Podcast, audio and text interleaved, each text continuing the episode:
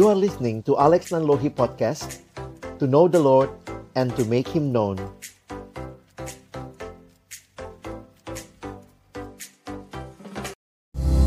Mari sama-sama kita berdoa sebelum membaca merenungkan firman Tuhan.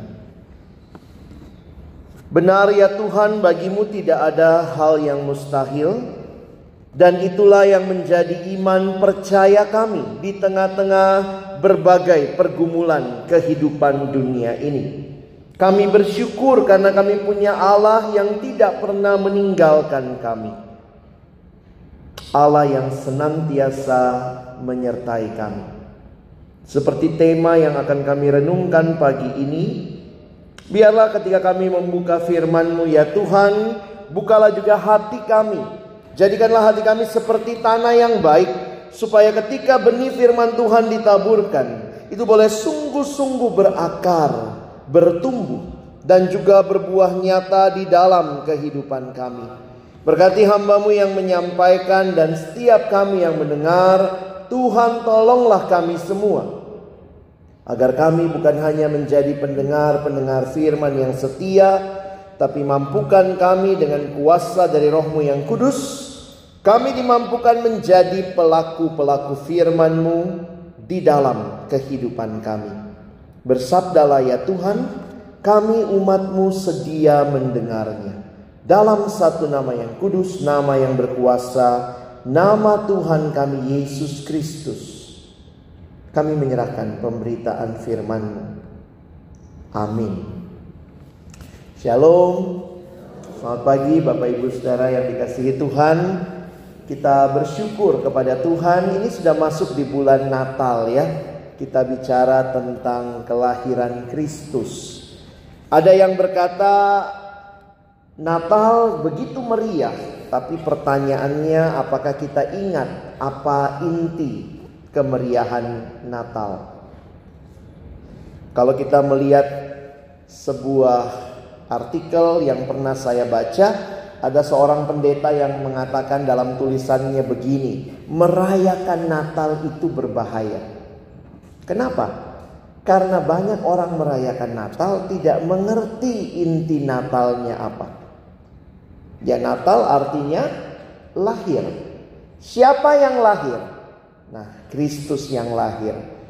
Kita mau sama-sama membaca satu bagian yang saya rindukan pagi ini menolong kita mengerti tema kita Allah menyertaimu. Mari kita membuka Injil Matius pasal yang pertama. Mari Bapak Ibu sekalian membuka Matius pasal yang pertama. Mari kita akan membaca ayat 20 sampai dengan ayat yang ke-23. Matius pasal pertama ayat 20 sampai dengan ayat 20 3.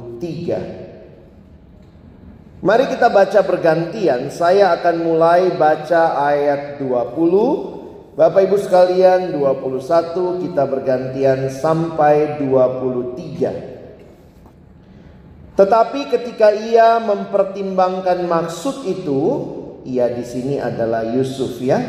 Tetapi ketika Yusuf mempertimbangkan maksud itu, malaikat Tuhan nampak kepadanya dalam mimpi dan berkata, "Yusuf, anak Daud, janganlah engkau takut mengambil Maria sebagai istrimu, sebab anak yang di dalam kandungannya adalah dari Roh Kudus."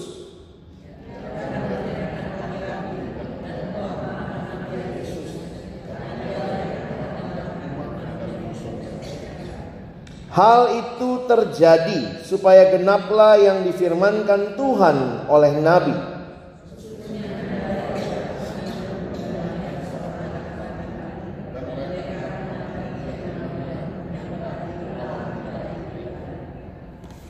Sejauh ini pembacaan firman Tuhan bagi kita. Bapak Ibu yang dikasihi Tuhan memperhatikan kelahiran Kristus. Saya pikir akan menjadi hal yang luar biasa melihat bagaimana Allah berkenan hadir ke dalam dunia menjadi manusia. Kalau kita mengingat apa yang terjadi pada waktu Natal, Jangan cuma ingat itu adalah sebuah peristiwa biasa, kelahiran biasa, tidak. Ini kelahiran yang luar biasa. Karena Allah menjadi manusia. Allah jadi manusia itu kategorinya saja beda. Kalau Bapak Ibu misalnya kita kita yang sudah dewasa atau Bapak Ibu yang sudah lebih tua, ketika misalnya Bapak Ibu anggaplah tiba-tiba jadi bayi kecil. Itu juga ada perubahan begitu ya. Tetapi kategorinya masih sama. Dari manusia jadi manusia. Jadi dari orang tua misalnya terjadi keajaiban Bapak Ibu jadi bayi misalnya. Itu kategorinya masih sama, manusia jadi manusia bentuknya saja, fisiknya saja yang berbeda. Atau kadang-kadang dalam kepercayaan masyarakat kita ada yang percaya oh ini manusia nih bisa berubah jadi kucing misalnya.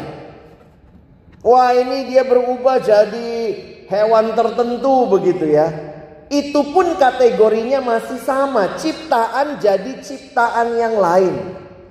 Tapi peristiwa Natal, kalau kita perhatikan, adalah pencipta jadi ciptaan. Allah jadi manusia. Seorang penulis buku, seorang teolog yang terkenal, dia mengatakan bagaimana mungkin dengan pikiran kita yang terbatas mengerti Allah jadi manusia. Itu pencipta jadi ciptaan. Itu sama seperti kita membayangkan tukang sepatu jadi sepatu. Benar ya? Tukang sepatu jadi sepatu. Tidak mungkin dengan pikiran kita yang terbatas. Tapi di sinilah kita melihat bahwa Allah menggenapkan janjinya yang dijanjikan ribuan tahun. Bahkan kemudian ratusan tahun sebelumnya Yesaya juga mengatakan seorang anak darah akan mengandung. Dan inilah berita yang kita baca tadi. Ada dua nama yang muncul dan tentang bayi itu. Mari Bapak Ibu lihat sebentar kalimat malaikat kepada Yusuf. Waktu Yusuf waktu itu berniat menceraikan Maria. Malaikat memberitahu ada dua nama. Pertama mari lihat ayat 21 tadi. Maria ya ia akan melahirkan anak laki-laki. Dan engkau akan menamakan dia Yesus. Apa artinya? Yesus atau bahasa Ibrani-nya Yesua itu berarti Allah menyelamatkan, Allah juru selamat. Dan ini dituliskan di sini karena dialah yang akan menyelamatkan umatnya dari dosa mereka. Manusia di dalam dosa, Allah turun tangan. Manusia tidak bisa selesaikan dosanya sendiri. Allah datang jadi manusia untuk menyelamatkan kita. Karena itu dikatakan namanya Yesus. Karena dialah yang akan menyelamatkan umatnya dari dosa. Perhatikan yang kedua. Nama kedua inilah yang sama-sama kita renungkan pagi ini. Sang bayi Natal itu ayat 23 menggenapkan nubuat Nabi.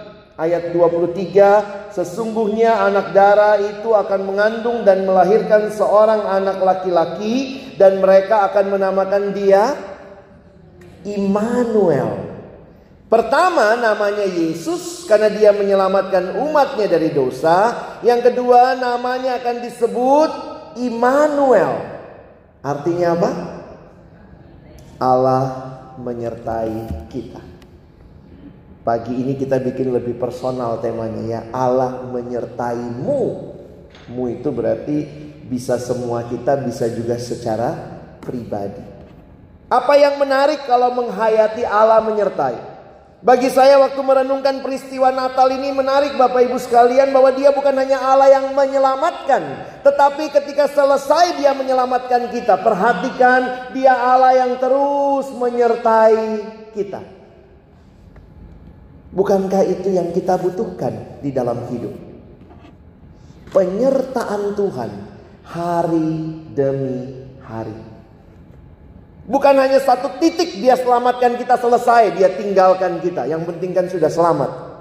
Tetapi jaminannya adalah Allah menyertai kita. Saudara ada beberapa hal yang saya ingin ajak kita pikirkan tentang apa artinya Allah menyertai. Bagaimana sekarang kita menghayati Allah menyertai? Kalau Bapak Ibu perhatikan sesudah itu Yesus bertumbuh besar, dia berjalan, dia melayani, dia menderita, dia mati, dia bangkit lalu dia naik ke surga. Loh, kok bisa Allah menyertai? Yesusnya aja balik ke surga. Tapi dia mengutus rohnya yang kudus. Dan roh kudus itulah menggenapkan apa yang Tuhan nyatakan. Allah menyertai kita. Roh Kudus menyertai setiap kita yang percaya dan itu adalah pasti, itu janjinya Tuhan. Jadi Bapak Ibu, sekarang ketika kita sudah buka hati terima Yesus, ada Roh Kudus di hidup kita, ada Yesus memimpin hidup kita, itu bukti Allah menyertai kita. Dia tidak jauh dari kita karena dia menyertai kita senan senantiasa. Nah, apa yang perlu kita ingat di dalam penyertaan Tuhan? Saya ingin ajak kita melihat tiga hal pagi ini tentang penyertaan Tuhan.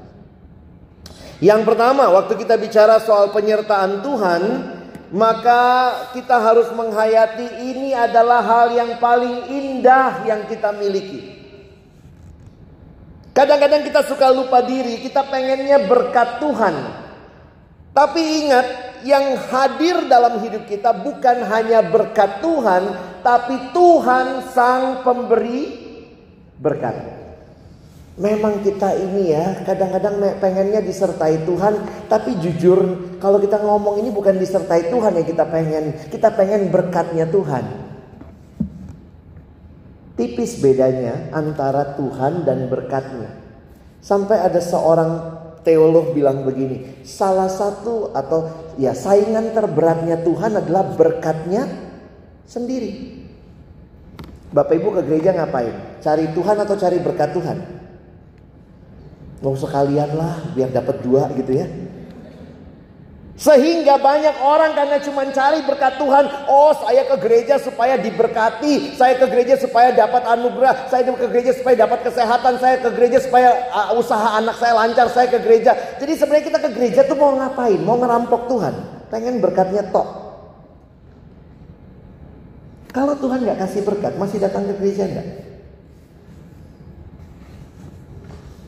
Harusnya sih masih ya. Kita itu kayak orang ini ya.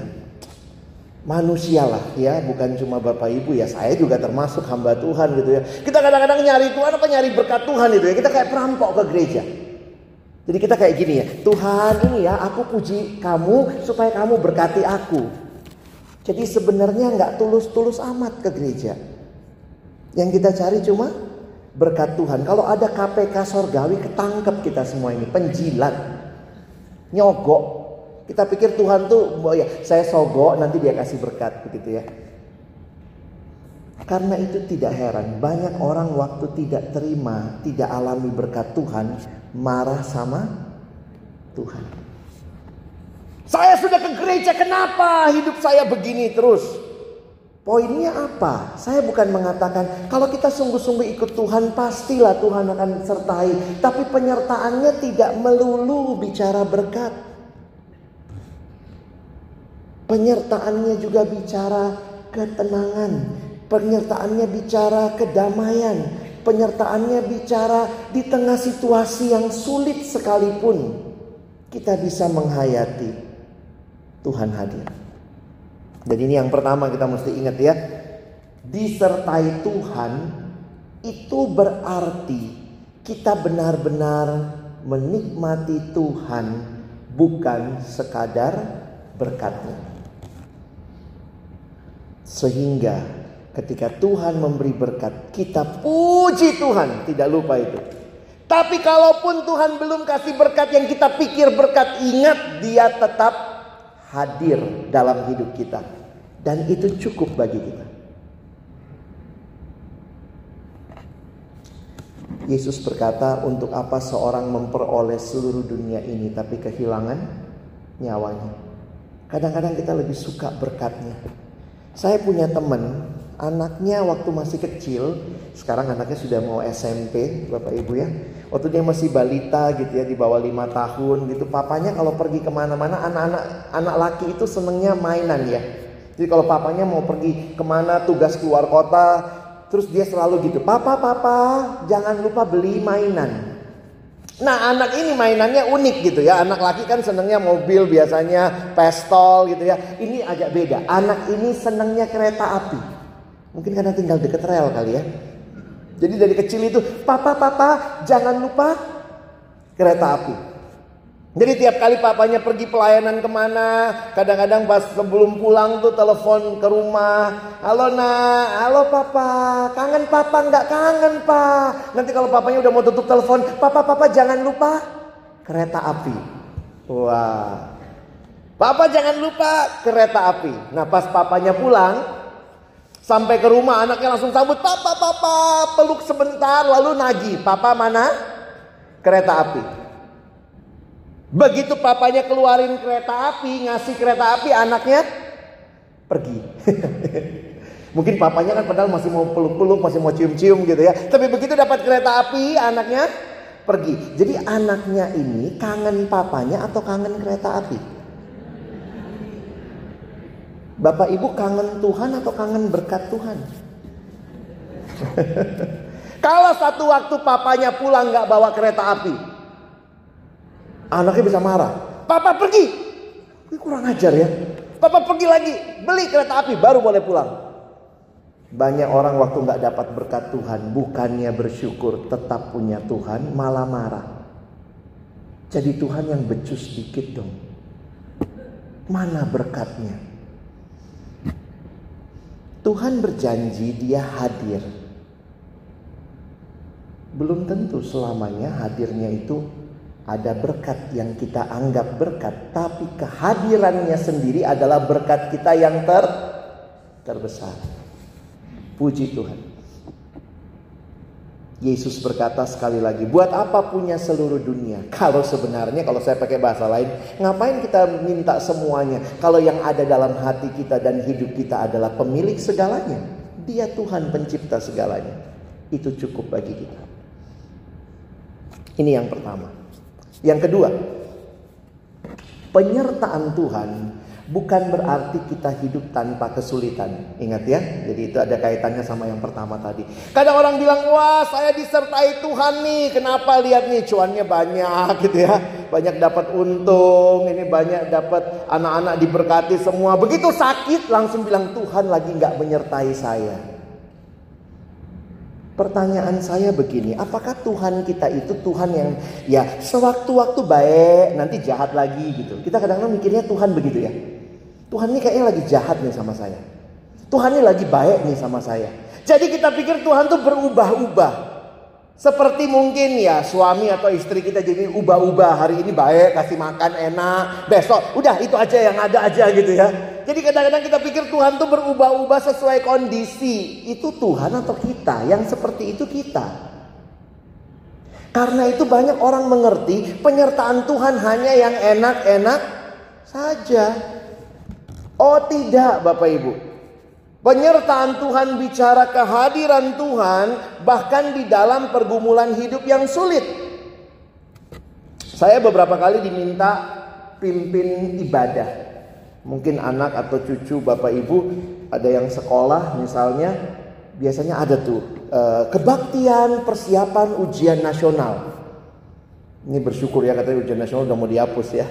Dua tahun lagi ya 2021. Tapi itu sekolah-sekolah Kristen saya sering kali diundang gitu. Pak tolong pimpin kebaktian persiapan ujian nasional. Wah itu saya pikir ya ini kalau ujian nasional aja kebaktian gitu ya. Namanya harusnya sehidup itu kan setiap hari ujian ya. Harusnya uji, tiap hari ibadah ya. Jadi waktu itu saya tanya nih sama anak SMA. Saya tanya gini. Kalau kalian lulus ujian nasional Tuhan baik. Semua jawab baik.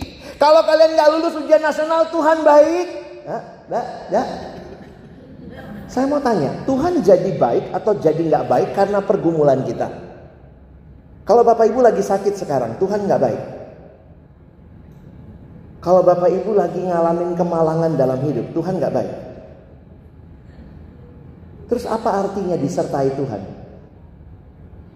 Kadang-kadang kita mengerti disertai Tuhan itu berarti lancar, mulus, aman. Oh enggak gitu saudara. Waktu saya merenungkan peristiwa Natal, saya lihat begini ya. Ketika para majus, gembala lagi ya. Gembala datang ketemu Yesus gitu ya.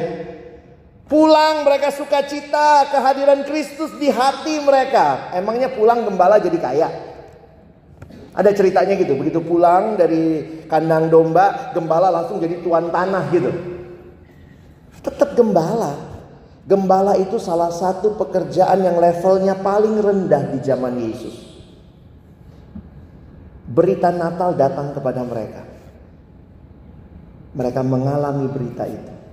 Mereka pulang dengan sukacita. Kenapa? Bukan karena status pekerjaannya berubah. Tapi karena Kristus yang ada di hati itu cukup.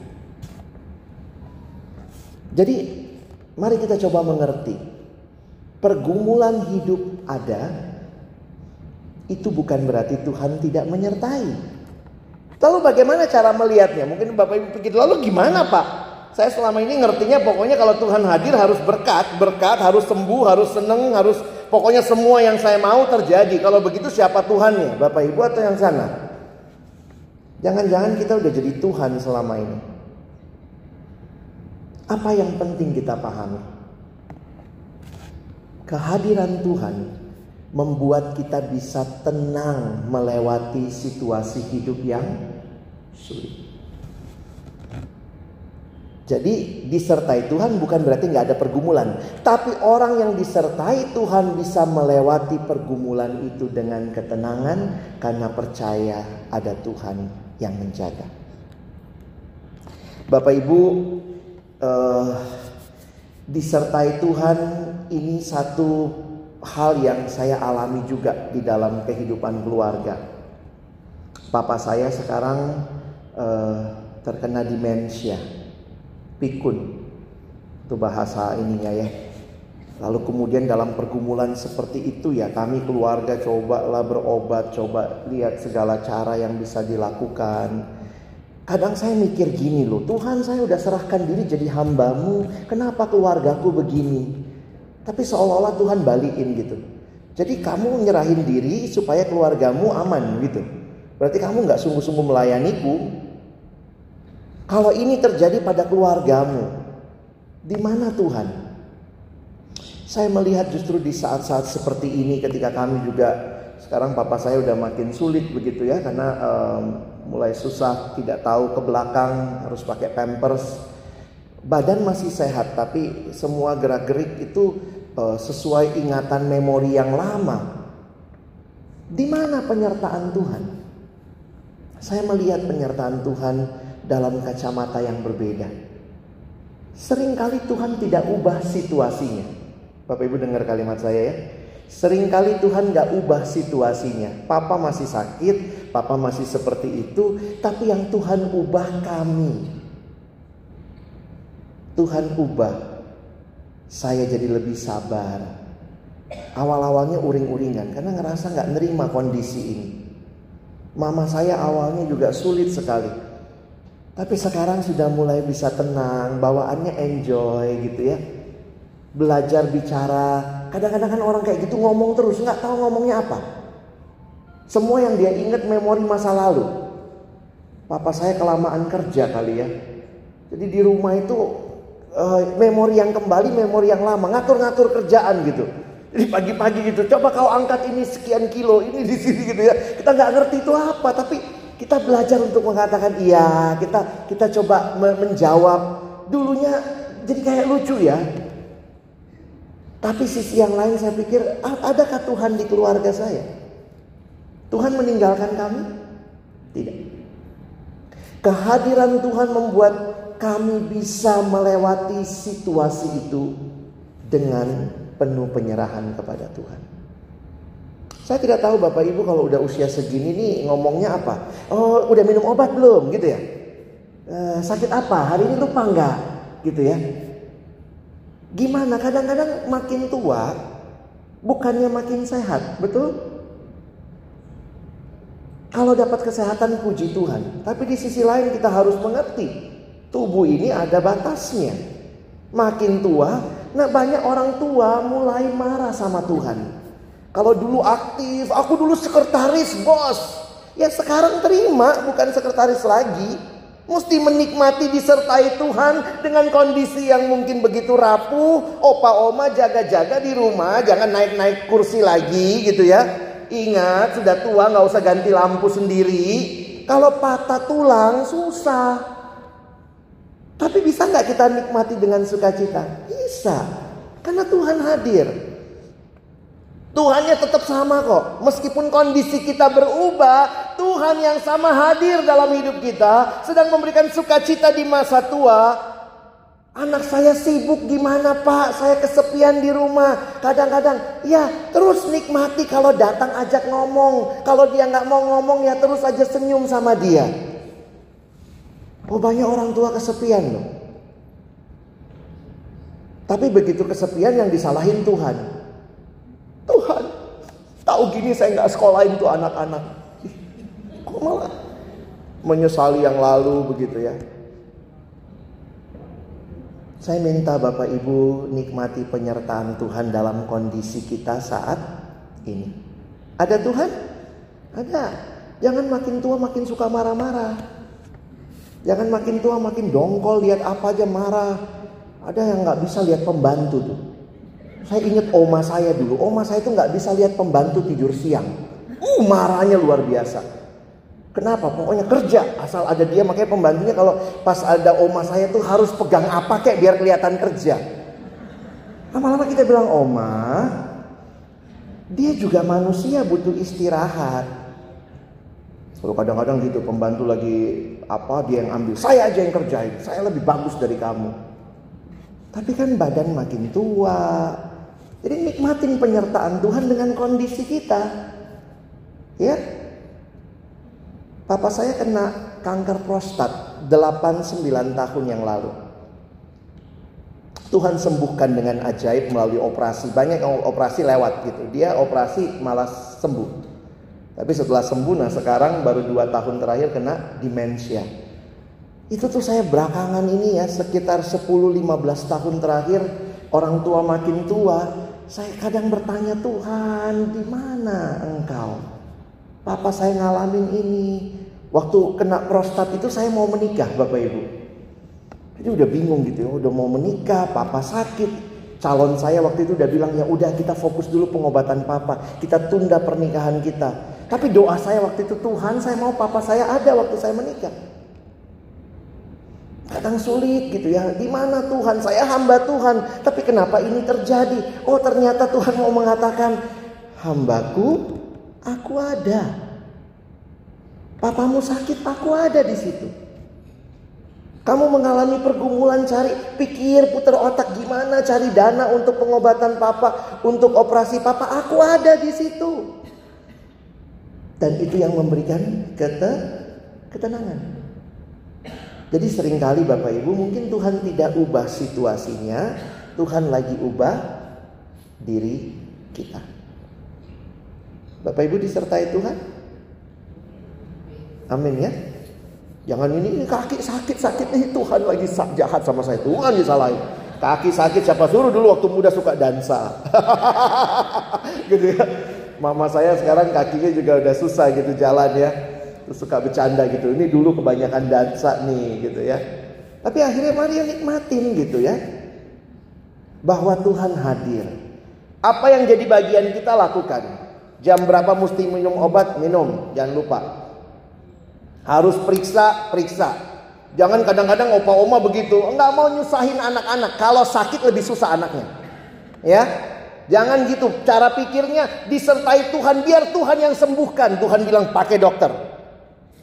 Banyak yang nggak mau ke dokter gitu. Ayo ke dokter. Enggak, takut nyusahin, takut nyusahin. Kalau udah lebih parah, lebih nyusahin. Ya.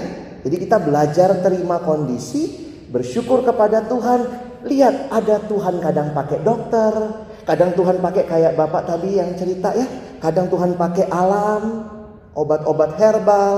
Papa saya ditolong sama herbal juga waktu kanker prostat. Setelah tapi akhirnya memang herbal ada batasnya ya. Tetap harus ketemu dokter. Dokter bilang nggak bisa gini terus pak, harus operasi. Akhirnya ya sudah harus dioperasi. Tapi herbalnya jalan terus minum apa tuh ya eh, daun sirsak karena papa saya cocok sama daun sirsak. Jangan semua orang juga ya papa saya dulu suka gitu ya. Oh, kanker apa? Sirsak. Kanker apa sirsak? Tunggu dulu, belum tentu semua orang cocok gitu ya. Jangan maksa. Ada yang cocok, coba dulu. Kalau cocok ya udah minum terus. Kalau nggak cocok jangan. Jadi Bapak Ibu mesti mengerti juga hal-hal seperti itu ya.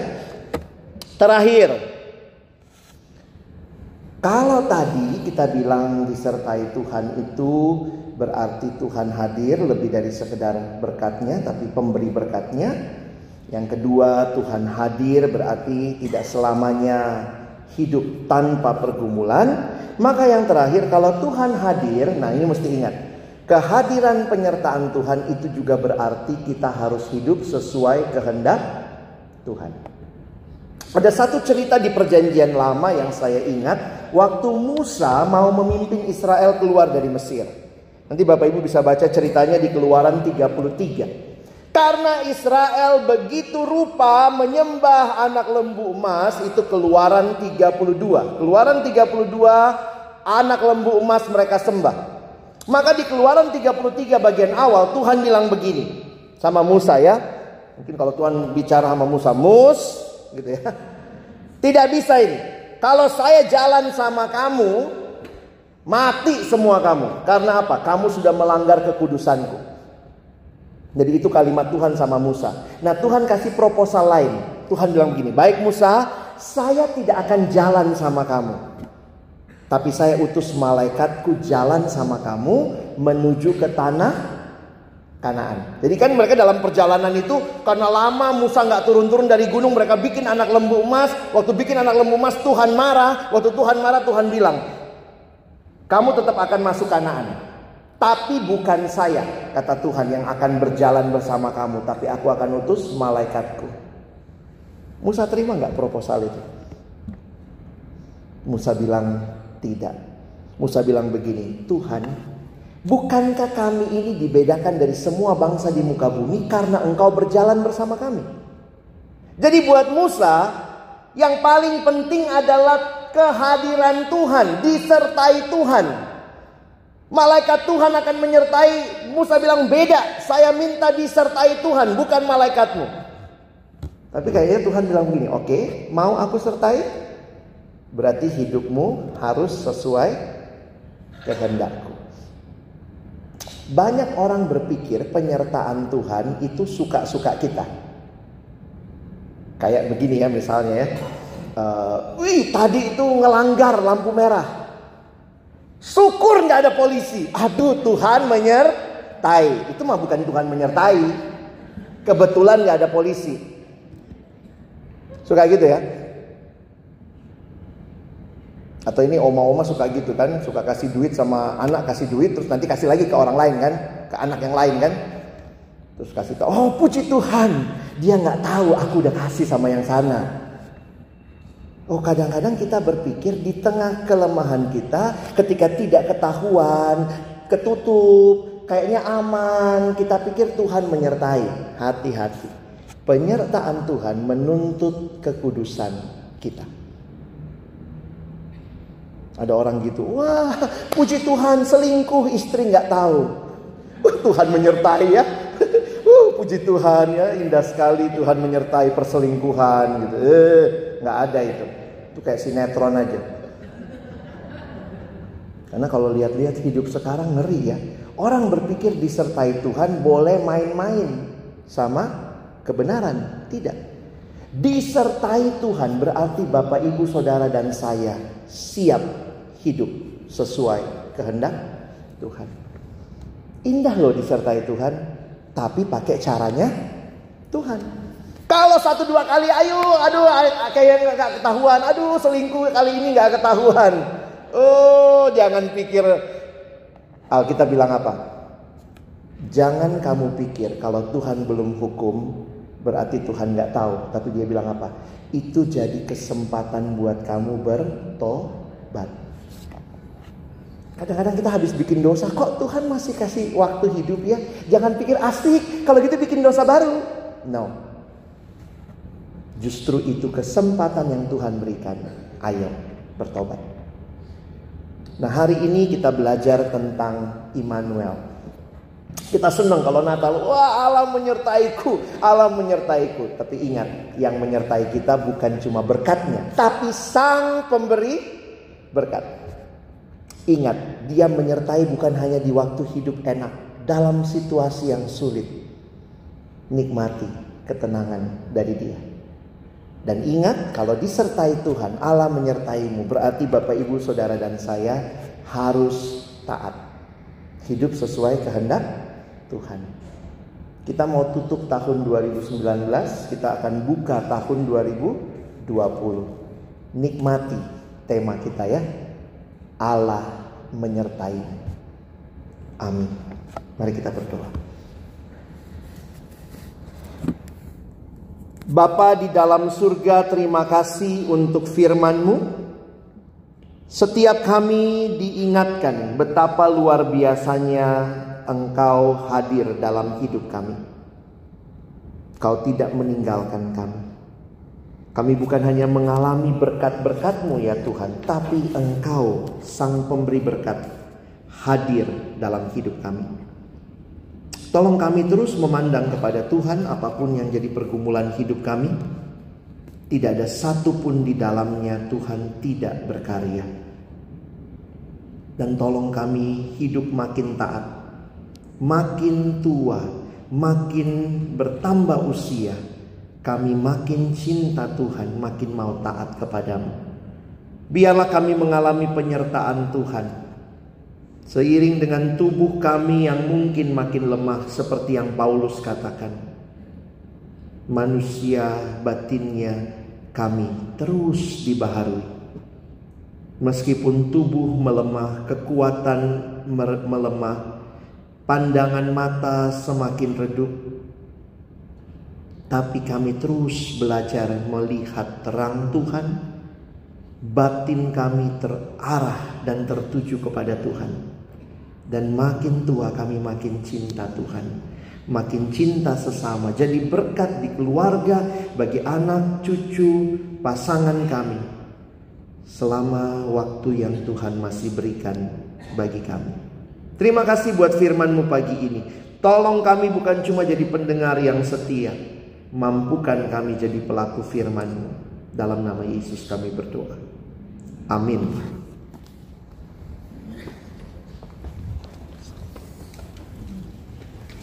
Terima kasih kepada Bapak kita Alex yang telah menyampaikan firman Tuhan yang begitu jelas bagi kita ya, sehingga kita tahu kita datang ke gereja kita mencari Tuhan bukan mencari berkatnya, tapi mencari Tuhan untuk hadir menyertai kita dalam kehidupan kita, apa pun kondisi kita, berubah atau tidak berubah, tetap Tuhan menyertai kita. Mari kita nyanyikan sebuah pujian, tiada ragu lagi untuk melayani Dia. Sementara itu persembahan akan dijalankan.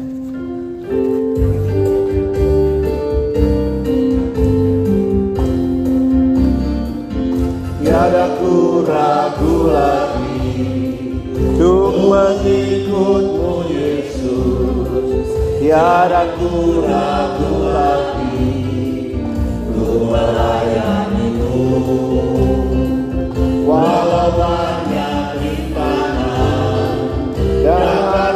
Dan ada ku menerjang Tiada ku